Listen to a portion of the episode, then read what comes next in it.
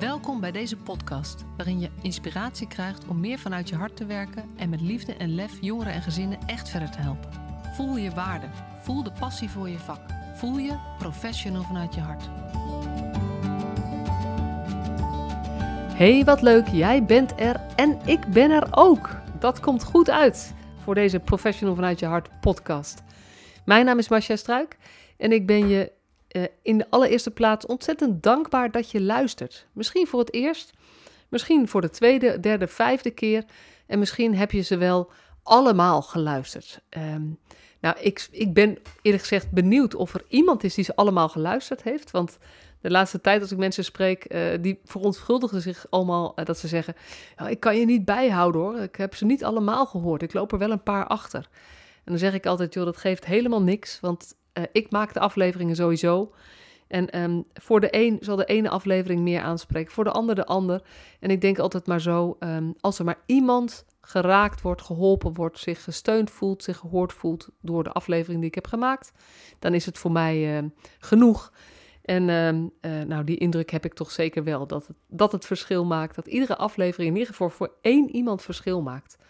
En uh, dat is voor mij genoeg om, uh, uh, nou ja, om daar lekker mee door te gaan. Ook vooral omdat ik het zo leuk vind. Maar um, ja, ik heb twee, twee afleveringen geleden, nummer 136, een aflevering opgenomen over de evaluatiebespreking. En die heet Nooit meer een evaluatiebespreking. En op die aflevering heb ik heel veel reacties gekregen. Dank jullie wel.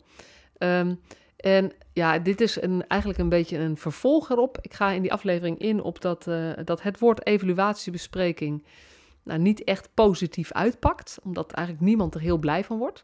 En um, uh, nou ja, ik, zeg daar nog natuurlijk veel meer over, want je moet toch die 20 minuten ongeveer wel volkletsen. Uh, maar ik doe vooral ook um, een, een, alternatief voorstel om vanaf nu een ander woord te gaan gebruiken. En dat ga ik je niet verklappen in deze podcast. Want als je nu nieuwsgierig bent geworden, dan uh, moet je gewoon uh, nummer 136 even luisteren. Maar ik heb van verschillende kanten teruggehoord dat mensen daardoor of dachten: Masha, je hebt gelijk. Wat gek eigenlijk dat we, dit, dat we het gewoon altijd maar evaluatiebespreking noemen. Want inderdaad, niemand wordt er blij van dat er een evaluatiebespreking is. en ook mensen die zeiden: Ik heb er nog nooit bij stilgestaan. Ik heb nog nooit um, bewust over dit woord nagedacht. Maar wat goed. Want um, inderdaad, we kunnen hier door accenten te verleggen um, een, een, nou ja, het, het proces beter uh, gaan maken. Althans, dat denken we. Dus we gaan dat proberen. En um, het is ook heel leuk. Ik heb van iemand ook een screenshot gekregen. Die in haar digitale agenda dat andere woord, wat je dus in aflevering 136 kunt horen, had neergezet in plaats van evaluatiebespreking. En ik heb het nog niet teruggehoord. Ik ben wel super benieuwd um, hoe, hoe de, de mensen, um, de jongeren en de ouders erop gereageerd hebben. Maar ook of er reacties zijn gekomen van collega's. Dus uh, ik hoop dat, uh, uh, dat jij mij dat nog wil laten weten. En ja, sowieso, weet je, ik word ontzettend blij van als je mij laat weten wat je van deze podcast vindt. Wat je, als het je raakt, als je er iets mee doet, als je er iets mee kunt. Want daarvoor maak ik deze podcast. Het is, het is ja, het is niet helemaal een hobby. Ik vind het wel heel leuk om te doen, maar het is niet alleen maar een hobby. Ik maak hem echt voor jou. En um, ik weet ook dat, ja, dat niet alle, aflever alle afleveringen luisteren is gewoon bijna niet meer te doen. Dat lijkt mij tenminste. Je hoeft je ook, als je mij ergens tegenkomt, niet te verontschuldigen dat je ze niet allemaal geluisterd hebt. Um, want ik denk ook, uh, uh, ik, maak ze, uh, ik maak ze en iedere aflevering is weer voor iemand op dat moment belangrijk. Of op, op dat moment kan het verschil maken. En um, al is het maar voor één persoon, dan is dat voor mij genoeg. Maar ik zou het wel echt heel tof vinden als je mij dat wil laten weten. Als jij door een aflevering, bijvoorbeeld deze of een andere, geraakt bent, aan het denken gezet bent. Um, als er beweging is gekomen, als je uh, iets hebt gedurfd wat je eerder niet durfde. Als je een, um, uh, andere insteek hebt gekozen of een inzicht hebt gekregen, dan uh, vind ik het ontzettend leuk als je dat met me wilt delen. Um, en dat kan gewoon met een mailtje, masha.professional vanuit je hart.nl. Ehm, en ja, ik word natuurlijk ook heel blij van als je um, denkt, hey, dit is een aflevering die meer mensen moeten luisteren, zouden moeten horen. Dat je hem dan deelt met je collega's. via een appje gewoon, maar, of, of misschien op social media. Want ehm, nou ja, het, het is leuk om, uh, om afleveringen te maken en het is heel leuk als we mensen verder kunnen helpen. Vandaag, de, nou ja, het woord evaluatiebespreking hebben we het over gehad. Vandaag wil ik het eens hebben over dagbesteding. Want dat is ook zo'n woord wat we in ons brede werkveld, of het nou jeugdzorg is, sociaal domein, maar ook bij leerplicht um, en, nou ja, alle, alles wat met, met jongvolwassenen en jeugdigen te maken heeft. Um, en natuurlijk ook in de gehandicaptenzorg. En misschien ook wel in de ouderenzorg. Ik ken de andere, ik denk de, de psychiatrie ook. Maar het woord dagbesteding gebruiken we heel veel. Dus het gaat erom dat we weten wat doen mensen op een dag. En heel vaak gaat het ook over zinvolle dagbesteding. Ik kan me de tijd nog goed herinneren dat heel veel jongeren met wie ik werkte als een van de doelen hadden. Uh, nou ja, uh, Marieke heeft een zinvolle dagbesteding. Of uh, Mohammed heeft een zinvolle dagbesteding. En um, ik heb daar braaf aan meegedaan. Tot ik me op een gegeven moment realiseerde wat we daar eigenlijk mee deden. Want stel je eens voor, je zit op een feestje. Je staat bij het schoolplein. Of uh, je zit in de kroeg. Of je, bent, je raakt met iemand in gesprek bij een borrel. En diegene vraagt aan jou: Wat doe jij eigenlijk voor dagbesteding? Dat is een vraag um, waardoor je, waarvan je waarschijnlijk een beetje moet lachen. Omdat het iets heeft van niet helemaal serieus nemen. Niet omdat iemand dat zo bedoelt, maar in, het, in uh, hoe wij, zeg maar, hoe, hoe we de Nederlandse taal gebruiken, is dagbesteding toch iets wat we gebruiken voor werk of voor school als gewoon werk of een gewone school je niet lukt. Dan ga je namelijk naar de dagbesteding. Dus het is een, eigenlijk een prima feitelijk woord, want het klopt gewoon. Maar de gevoelswaarde heeft um, iets waardoor uh, degene aan wie jij vraagt: uh, wat doe je eigenlijk voor dagbesteding? Uh, waardoor je je niet helemaal serieus genomen voelt. En um, ja, als ik het aan jongeren vraag, ik heb serieus de reactie wel eens gekregen van iemand.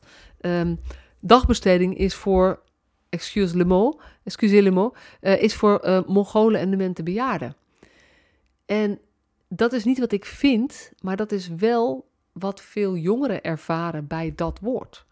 Dus ik ben benieuwd als jij kijkt naar jouw, um, nou ja, de, de, hulpverleningsplannen die jullie hebben, het format wat je hebt, de vragenlijsten die jullie gebruiken. Uh, en dit geldt ook voor volwassenen in het sociaal domein. Uh, hoe, hoe het woord dagbesteding daarin gebruikt wordt. Want Um, ik zie het zo dat onze rol in, um, uh, in, in het samenwerken met de mensen die nou ja, het op dat moment zelf niet helemaal redden, is dat zij weer meer in hun kracht komen te staan. Het, ik, ik vind het een gruwelijke uitdrukking. Zo, uh, zo in hun kracht, mensen in hun kracht zetten of empowerment. Um, en tegelijkertijd is dit wel precies wat volgens mij nodig is. Dat mensen weer het gevoel krijgen: ja, ik doe er toe ja, ik kan mijn leven weer um, uh, een, een, richting geven. Ja, ik kan ook mijn eigen problemen oplossen. Dus het gaat over je krachtiger gaan voelen. En um, op de een of andere manier heb ik het gevoel dat het woord dagbesteding daar iets aan afdoet. Um, dus ik zat daar dus over door te denken. En ik dacht eigenlijk, waarom vervangen we het niet gewoon door werk of school?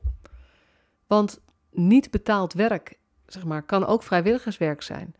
Um, stage is, ja, stage zou je ook nog kunnen gebruiken. Dat is, dat, is iets van, dat is ook nog iets waarbij je iets aan het leren bent om een volgende stap te maken.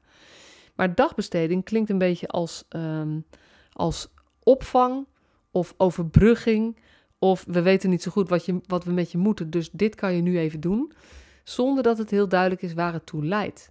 En nou denk ik dat er een groep mensen is voor wie dat niet erg is. Maar ik weet zeker dat het ook een, voor een groep mensen wel erg is als we dat woord gebruiken. En um, ik uh, denk ook aan het, uh, uh, gewoon aan, aan nou ja, het werken op een groep bijvoorbeeld.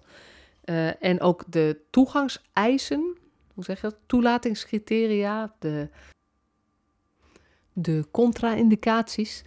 Um, dat daar vaak bij staat dat een jongere minimaal 32 uur dagbesteding per week moet hebben. En um, ik begrijp dat heel goed, want het heeft te maken met dat, uh, dat je ook wil dat jongeren aan hun toekomst bouwen. Het heeft ermee te maken dat we ehm, nou ja, dat als jongeren geen invulling van hun dag hebben. Dat ze dan, uh, nou, dat het ook veel moeilijker is op een gegeven moment om, om ze nog in beweging te houden of te krijgen. En um, het is veel moeilijker om de structuur te hebben. Dus ik begrijp heel goed waar het vandaan komt. Ook omdat uh, ja, als je meer jongeren hebt zonder invulling van hun dag, uh, krijg je gewoon beheersproblemen. Dus ik begrijp het heel goed. Maar het doet ook wel iets met mij als ik me verplaats in die jongeren. En vooral als ik me verplaats in die jongeren die op meerdere leefgebieden problemen hebben, waarvan heel vaak schoolgang een van de problemen is, omdat ze uh, het niet leuk vinden op school, omdat ze te veel andere dingen aan hun hoofd hebben, omdat ze, uh, nou ja, het hun gedrag op school uh, niet voldoende is, waardoor ze steeds in de problemen komen. Um, en dat is eigenlijk vaak mede de aanleiding van het nou, meer ingrijpen of ons meer gaan bemoeien met deze jongeren. En vaak een van de redenen voor een, uh, of een van de dingen die een rol speelt bij de uithuisplaatsing. Het is niet altijd een reden, maar wel een van de dingen. En um, dan is het dus zo dat een jongere ergens anders moet gaan wonen. Um, dat is trouwens ook een, een term waar ik, uh, waar ik wel eens over zou willen hebben, over het woord verblijf. Uh, maar goed, dat is voor een andere podcast. Uh, dus de jongen moet, moet op dat moment verhuizen. Die moet gaan verhuizen naar een plek waar hij niemand kent, waar hij niet weet hoe het gaat, waar hij niet weet hoe de regels gaan, welke volwassenen voor hem zullen zorgen. En waar hij bovendien nog eens uh, terechtkomt, bijna altijd met andere jongeren met hun eigen problemen. Dus eigenlijk een best wel onveilige situatie. Voor hem emotioneel onveilige situatie, omdat het gewoon allemaal nieuw is. En um, dan zijn wij best wel eisend alsof het um, gemakkelijk is in zo'n situatie om gewoon te doen wat je moet doen. Dus dat je gewoon maar die 32 uur dagbesteding hebt. En um, ik, ken, ik heb ook veel meegemaakt dat het, dat het, ja, omdat jongeren dat niet voor elkaar kregen, omdat ze uh, te veel aan hun hoofd hadden om het vol te kunnen houden, om te veel aan hun hoofd hadden om zich te kunnen richten op hun werk of school, dat ze dan niet op die groep terecht konden of niet op die plek terecht konden. Wat ik dus wel begrijp, omdat ik ook weet hoe ingewikkeld het is als jongeren dit niet hebben en je moet, um, en je moet ze wel opvangen. Maar wat ook niet helemaal recht doet aan, um, aan de situatie waarin de jongere op dat moment zit, met de problemen die hij al heeft. En um, ook nou ja, het net verhuisd zijn, want dat is als je naar een andere plek gaat, ben je net verhuisd. Net verhuisd zijn. Wij hebben dan altijd, uh, tenminste, de mensen die ik ken, mijn zusje is toevallig deze week uh, uh, verhuisd. En uh, zij hebben daarna nog twee weken vrij. Om gewoon, omdat gewoon zo'n verhuizing zo intens is. En um, ja, je moet dingen voorbereiden, je moet daar een beetje installeren, je moet een beetje kijken hoe alles gaat daar in huis. Um, en dan ja, moeten ze ook gewoon uitrusten. Dus het past dan niet helemaal om meteen weer aan het werk te gaan. Terwijl als je kijkt hoe wij dat eigenlijk doen met kinderen en jongeren. En uh, ja, de structuur, maar het emotionele stuk van het verhuizen en, en dat soort dingen. En het soms ook nou ja, weggaan uit je vertrouwde omgeving. Um, maakt dat we, eigenlijk, we verplaatsen een jongere en we denken, ga het maar gewoon doen. En dan is het dus zo dat als zo'n jongere niet uh, meteen naar school kan, of hij heeft niet een baan waar hij meteen 32 uur per week kan werken, dan gaan we op zoek naar een andere vorm van dagbesteding. En mij geeft dat um, steeds meer het gevoel als die jongere maar onder dak is. En dat is niet hoe het ooit bedacht is, maar dat is wel, denk ik, hoe het voor een deel van de jongeren voelt. En zo ken ik het ook wel, zeg maar. En um, nou, ik weet niet of jullie de podcast hebben gehoord met uh, Jason en Sanne. Jason Boegwandas en Sanne van der Laan. Dat is ergens, ik weet niet, nummer 96 of zoiets, daar in de buurt. Um, Jason vertelt natuurlijk altijd veel over, uh, over onderwijs binnen gesloten jeugdzorg. En ik weet dat het binnen gesloten jeugdzorg is, maar ook bij de uh, niet gesloten, maar intensievere vormen van open jeugdhulp, dat toch um, onderwijs onderwijs op niveau kunnen krijgen, is gewoon lastiger. Dat is gewoon al als je binnen het speciaal onderwijs terechtkomt. Um, ik heb een tijdje bij een VSO ook gewerkt. En dat was een VSO die HAVO uh, aanbood. Maar er kwamen dus kinderen van, van heel ver weg, omdat uh, op de meeste VSO's heel moeilijk was om HAVO of zeker VWO-niveau te kunnen halen. En dan gaat het er niet om dat dat beter zou zijn dan de andere niveaus, maar het gaat wel om waar, ehm, wanneer voelt iemand zich op zijn plek en wanneer is iemand uitgedaagd om nou ja, zelf te gaan leren en zich te gaan ontwikkelen en in beweging te komen. En we weten dat als je iemand ondervraagt, dat dat heel erg demotiverend werkt. Dus ehm, ik stel me dan eventjes een, uh, een uh, jongen voor of een meisje van een jaar of 16 of 18 of 20, maakt eigenlijk niet eens heel veel uit, die ergens naartoe gaat, naar een plek, of die um, uh, uitgevallen is op school, waarvan we zeggen, nou die moet toch wel een, een, een zinvolle dagsbesteding hebben, um, die niet in staat is om in te stromen op school, omdat hij of zij de, nou, op dat moment de, de, de, rust niet heeft, of omdat er geen school gevonden nog is, wat, wat helaas ook veel voorkomt. En die we dan dus naar een dagbestedingsproject laten gaan. Maar als dat iemand is die bijvoorbeeld al vier ja, is blijven zitten in vier HAVO of, of uh, in uh, vier VWO. En die komt daar op een plek waarbij die eigenlijk lagere, uh, zeg maar op, op VMBO 3 um, niveau les krijgt. Dan is het tegenovergestelde van, van motivatie wat je bereikt. Ik had toevallig, ik, ik ga alle kanten op in deze podcast. Maar dat komt eigenlijk doordat ik nu denk aan een training die ik onlangs gegeven heb in Harderwijk. En dat was heel tof. Er zaten mensen van de gemeente, van leerplicht, van het um, uh, speciaal onderwijs, voortgezet speciaal onderwijs, van het praktijkonderwijs. en ook van um, het volwassenenonderwijs, het FAVO. En daar hadden we het ook over. Dat, um, en van het MBO, heel belangrijk. Want daar hadden we het dus over die jongeren die, nou ja, vier, vijf uh, VWO of, of HAVO uitgevallen zijn, die uitgevallen zijn op school en thuis zijn komen te zitten, die ergens hun leven weer op willen pakken, maar niet zomaar terug kunnen stromen naar school, um, die kunnen, als het, zeg maar, die kunnen soms binnen het volwassenenonderwijs terecht, maar dan moeten ze heel zelfstandig kunnen zijn.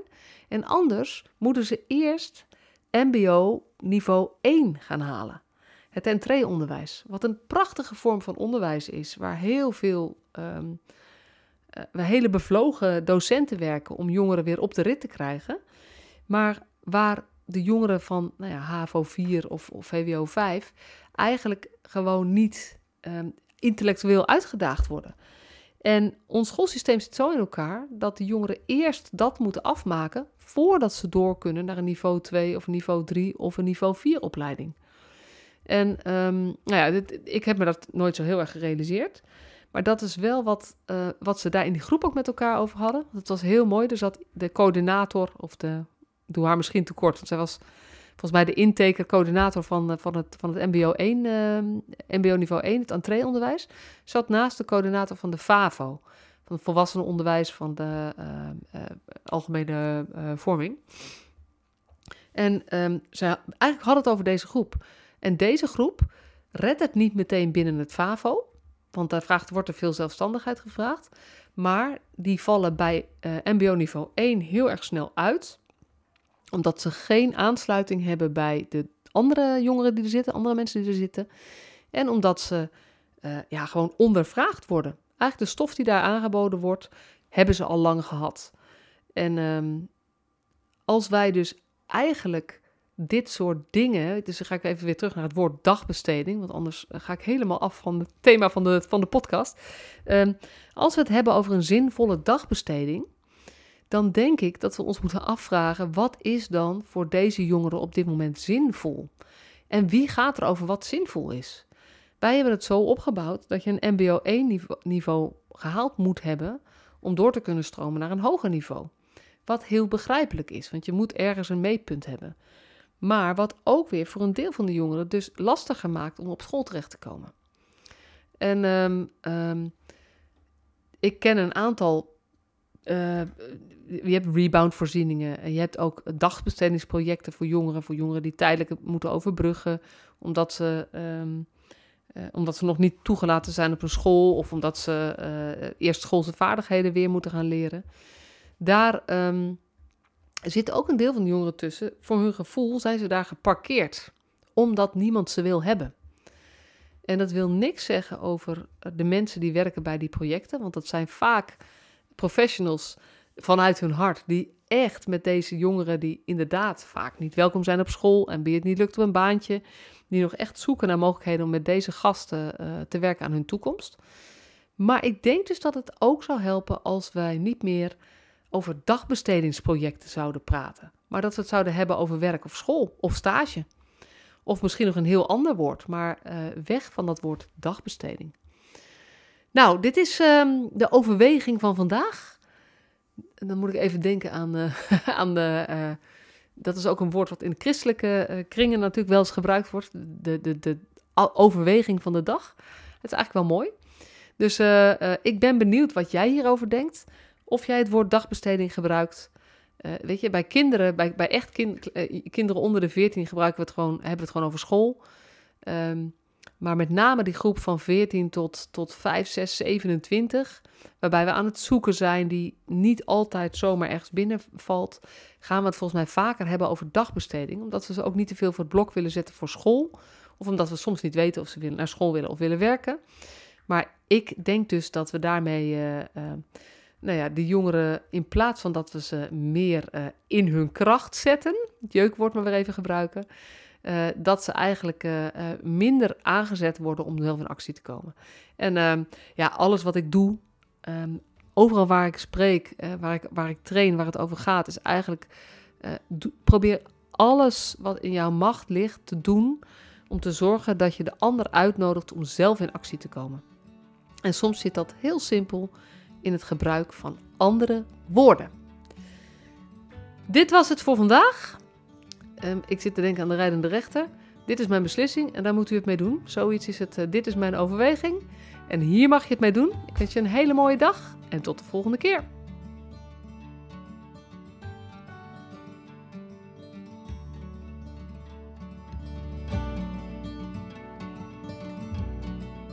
Superleuk dat je weer luisterde naar deze podcast. Dankjewel.